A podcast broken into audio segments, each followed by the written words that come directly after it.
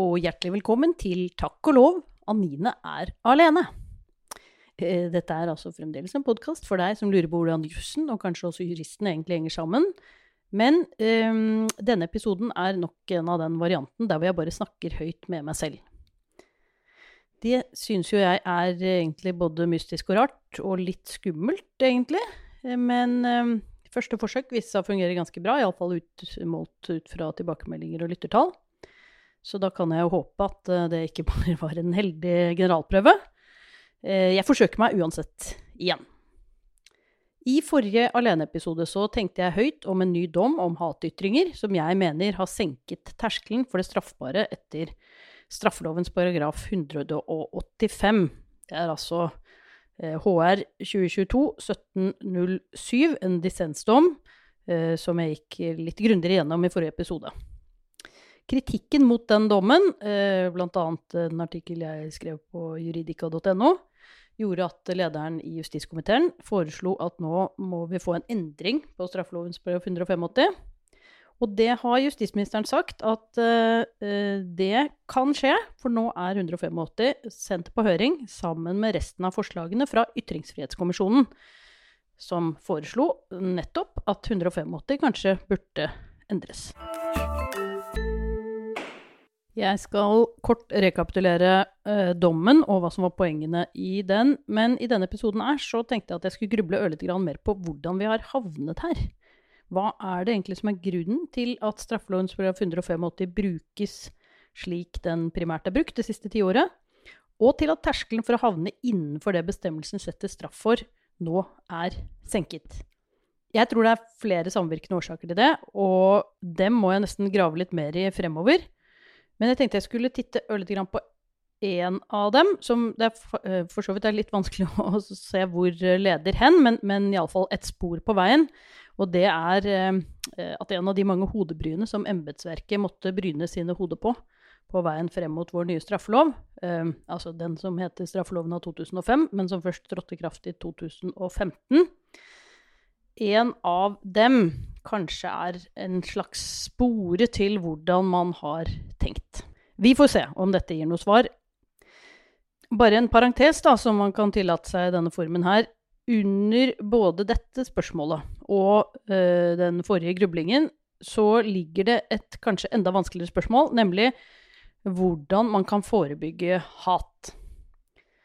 Og for å vurdere det, så må man jo gruble på noe som kanskje er enda vanskeligere, nemlig hva som egentlig skaper eller avler hat i et samfunn.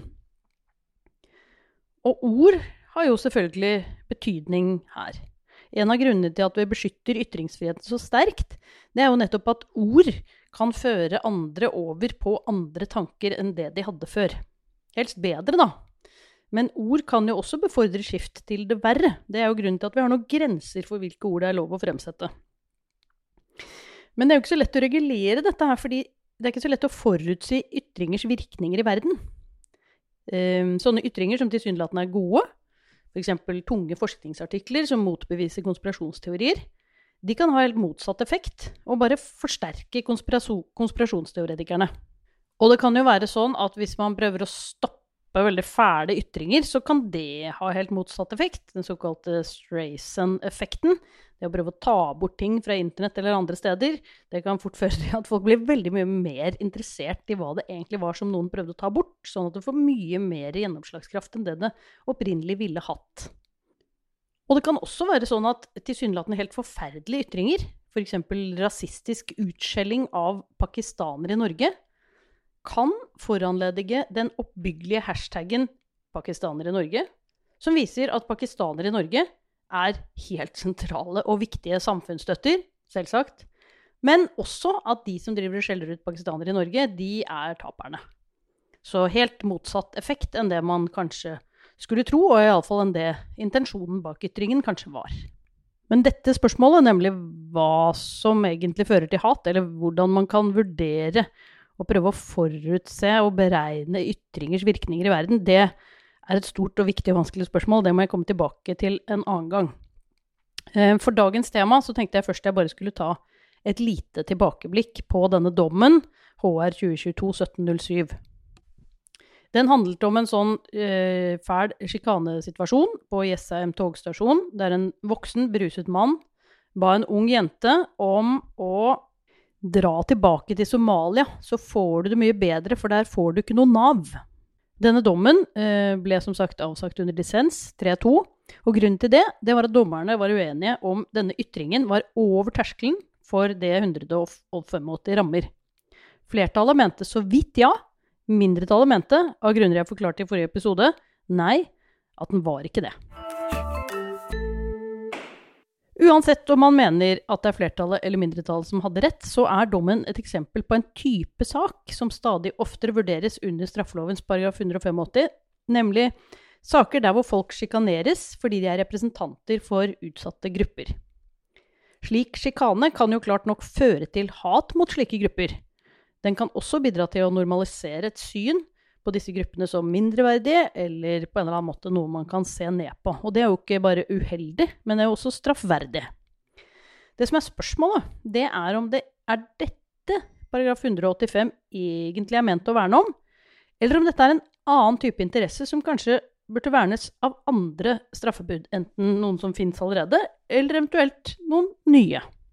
For historisk så har nemlig paragraf 185 vært brukt til å ramme, grovt sett, to ulike typer av atferd som er ganske forskjellige. Den første, som vi ut fra rettspraksis må kunne kalle den opprinnelige, det er offentlige fremsatte ytringer spesifikt rettet mot utsatte grupper, som er egnet til å skape, fremme eller oppildne et hat hos tilhørerne mot den utsatte gruppen. Gjerne med akkurat denne hensikten, overlagt eller forsettlig, selv om det for så vidt ikke er noe vilkår om, eh, om hensikt. Det er ikke veldig mye tidlig praksis om paragraf 185, som, som før het eh, paragraf 135a i den gamle straffeloven. Men noen eksempler er eh, løpeseddeldommen fra 1981. Der var det organisasjonen mot skadelig innvandring til Norge som sendte ut en rekke løpesedler med ytringer som til sammen eh, ble ansett for å komme over terskelen for det straffbare. Og så var det plenumssaken Hvit valgallianse i 1997. Eh, der var det for så vidt dissens, eh, men det var jo fordi at eh, måten ytringene ble fremsatt på, nemlig et partiprogram, det er jo liksom i kjernen av demokrati, så det gjør det ekstra vanskelig kanskje å slå ned på det. Men det var så fælt, partiprogrammet, å oppfordre til integritetskrenkelser, bl.a. tvangssterilisering, at den ble pådømt likevel. Så hadde man Bootboys-saken fra 2002, en demonstrasjon mot innvandrere og jøder. Eh, så hadde man Vigrid-saken, vel fra 2007, en oppfordring til klare integritetskrenkelser mot jøder fra nazigruppen Vigrid. Eh, og så er det vel kanskje den eneste, tror jeg, fra Høyesterett i nyere tid, som er en av Facebook-dommene fra 2020, der mørkhudede ble omtalt som eh, bl.a. avskyelige rotter og steppebavianer betegnende nok i et klasseperspektiv, i to ord, i Facebook-gruppen 'Fedrelandet viktigst'. Så det var eksempler på den opprinnelige måten paragraf 185 ble brukt på. Så er det den andre måten, eh, som for så vidt også er hatefulle ytringer mot utsatte grupper. Det gjelder ytringer der den offentlige spredningen av ytringen egentlig fremstår som underordnet. Det som virker viktigere, det er å verne den enkelte representant for en utsatt gruppe mot ulike varianter av direkte rettet sjikane mot dem, fordi de er representanter for den utsatte gruppen. Eller, som Høyesterett formulerer det i sin vurdering av straffeloven § 185 i 2018 Sitat. De fleste sakene som har vært oppe for Høyesterett, har dreid seg om politiske ytringer hvor avveiningen mellom diskrimineringsvern og vern om ytringsfriheten har stått sentralt. Vår sak handler om en ytring fremsatt i ren sjikanehensikt under en krangel på byen, og den eneste saken som direkte kan sammenlignes med vårt tilfelle, er dommen i 2012, eh, rettstidende 2012, side 536, eh, dørvaktdommen. Så her fremgår klart nok eh, Høyesteretts egen vurdering av eh, når denne andre typen av 185-saker eh, egentlig startet. Det var med dørvaktdommen i 2012. Hvis vi ser på disse eh, gruppe to-sakene, om du vil, eh, altså personsjikanesakene, så er jo det Personsjikane er jo noe dritt uansett. Eh, og det er enda verre, antagelig, når man tilhører en utsatt gruppe. Og hvorfor er det noe dritt med personsjikane? Det er det jo av i alle fall to grunner. Den første er den direkte krenkelsesfølelsen man opplever i seg selv som følge av sjikanen. Altså den fæle følelsen å bli utsatt for sånne ting. Det andre er det forholdet at omgivelsene rundt deg kanskje ser på deg på en annen måte pga. ytringen. At ditt omdømme påvirkes enten reelt, eller at du iallfall opplever det slik. Dette minner om en annen type vurderinger av ytringer som ikke har med hatefulle ytringer å gjøre, men som har med ærekrenkelser. Den har også en inndeling i disse to verdiene, egentlig. Altså Det vi ofte kaller ærekrenkelsesvurderinger, det er som oftest omdømmevurderinger. Nemlig hvordan påvirker det ditt omdømme feilaktig å bli kalt ja, korrupt eller pedofil eller eh, et eller annet annet uh, som åpenbart er stigmatiserende og, og egnet til å få andre til å se på deg på en helt annen måte. Men ærekrenkende ytringer kan også gjelde den personlige æresfølelsen. Altså den hva skal vi si, sånn eitrende fortvilelsen i møte med krenkende ord eh, direkte mot deg. I gamle dager, altså før 2015, straffeloven av 1902, eh, så var disse to verdiene egentlig vernet av to forskjellige straffebud, nemlig eh, henholdsvis straffelovens paragraf 246 og 247. Og der hvor gruppe 1 av 185 sakene passer egentlig ganske godt inn i det kapitlet hvor 185 står, som skal verne om Eh, den offentlige ro, orden og sikkerhet, så passer den andre gruppen ganske godt i kapittel 24, som er der for å verne den personlige frihet og fred. Der bor det en del andre ytringsbestemmelser som begrenser ytringsfriheten av hensyn til privatliv, vern mot sjikane, vern mot trusler. Altså Eh, ting som ikke er der for å passe på samfunnssikkerheten, men som er der av hensyn til den enkelte fornærmede som utsettes for ytringene. Og det er her, kanskje, i dette krysningspunktet mellom paragraf 185 og øh, gamle paragraf 246 og 247, altså ærekrenkelsesreglene, øh, at vi kanskje er på et eller annet spor som jeg ikke helt vet hvor leder, men som det er verdt å dvele ved et øyeblikk.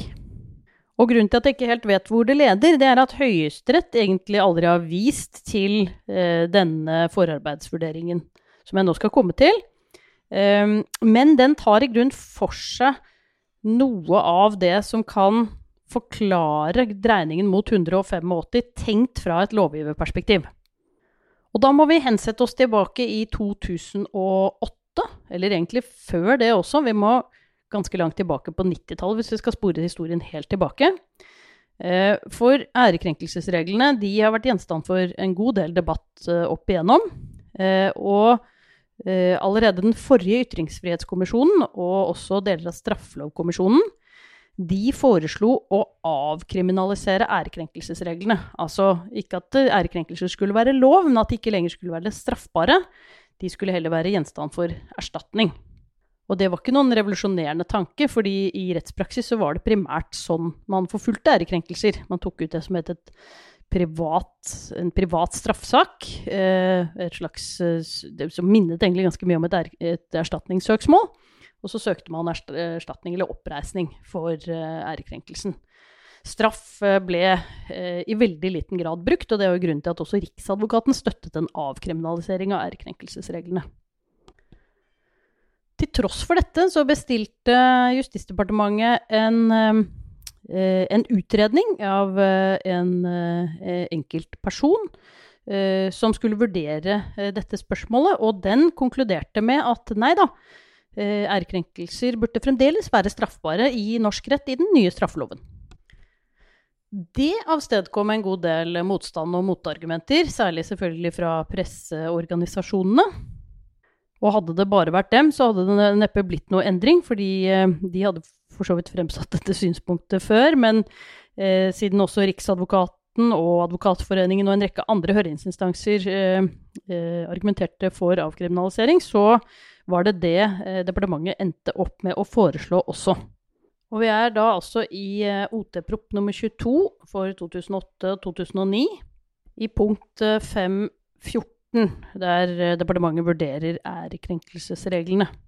Og det er jo ikke alt eh, sånn ehm, forarbeidsstoff som er artig å lese, men her kan jeg i grunnen anbefale å lese, for det er mellom linjene her så ligger det at departementet er, eh, fremstår noe mm, tusjert, for å si det sånn, litt irritert kanskje, over den kritikken som har kommet mot deres foretrukne modell for utredning av dette spørsmålet.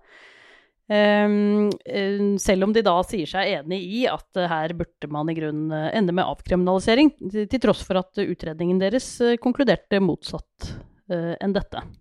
Men det som er interessant i vår sammenheng, det er det de sier om straffelovens paragraf 246, altså vernet av den æresfølelsesdelen, den ikke omdømmedelen av ærekrenkelsene, men den fæle følelsen det er å bli utsatt for noe ærekrenkende ansikt til ansikt, med eller uten andre til stede. Og det de da sier, det er at fordi 185 bare verner mot hatefulle ytringer fremsatt i offentligheten, og ikke i halvoffentlige sammenhenger, Um, så syns de at det er litt uheldig, fordi eh, disse mindre offentlige, eller kanskje dels private, hatefulle ytringene heller ikke vil bli fanget opp av 246 i fremtiden. Så det de foreslår, det er at den delen av æresvernet som 246 vernet, den skal videreføres i en liten del av befolkningen, altså de som er vernete grupper etter 185, slik at de foreslår en endring av 185 eh, til et nytt straffealternativ, der hvor det er mulig å ramme ytringer som ikke fremsettes offentlig, men i andres nærvær. Og dette, altså ønsket om å videreføre det vernet som følger av paragraf 246 for disse gruppene, det er begrunnelsen for at man foreslår paragraf 185 endret dit hen at eh, hatefulle ytringer i halvoffentlige sammenhenger eller i nærværet av andre også skal straffes. Og dette gjør de selv om de ser at 185 eh, står i kapittelet til vern av den offentlige ro og orden, og det egentlig primært er de offentlige ytringene som bestemmelsen skal verne mot. Selv om det er eh, vanskelig å spore i rettspraksis at denne forarbeidsuttalelsen egentlig har hatt noe særlig betydning direkte, så er den kanskje en kilde til å forstå hvorfor og hvordan man kan resonnere for å, å, blande den personlige æresfølelsen inn i vurderinger av eh, paragraf 185. Det er uansett eh, grunn til å uh, trekke denne, det, denne måten å resonnere på frem i lyset. Uh, fordi den har ikke vært gjenstand for noen høring eller kontradiksjon. Dette var en uttalelse som kom inn på slutten av en uh, proposisjon, og, og, bærer kanskje litt preg av å være en, en, vurdering som har oppstått i departementet, uten å kanskje å være luftet med altfor mange andre. Så det er det jo, legger jo mulighet til å gjøre nå, uh, når man skal foreta en ny vurdering av uh, paragraf 185, om dette, denne måten å resonnere på er rimelig og god, eller at det er slik at man isteden skal tenke at de to ulike retningene 185 har beveget seg i, verner to såpass ulike interesser eh, at det er grunn til å vurdere om de bør dekkes av samme straffebud eller ikke. Da er jeg ved veis ende i dagens grubling og vil bare si takk og lov for at du holdt ut med eh, min høyttenkning eh, i nok en episode. Eh, og så gleder jeg meg til eh, neste gang ikke bare alene, men også sammen med en gjest. Vi høres igjen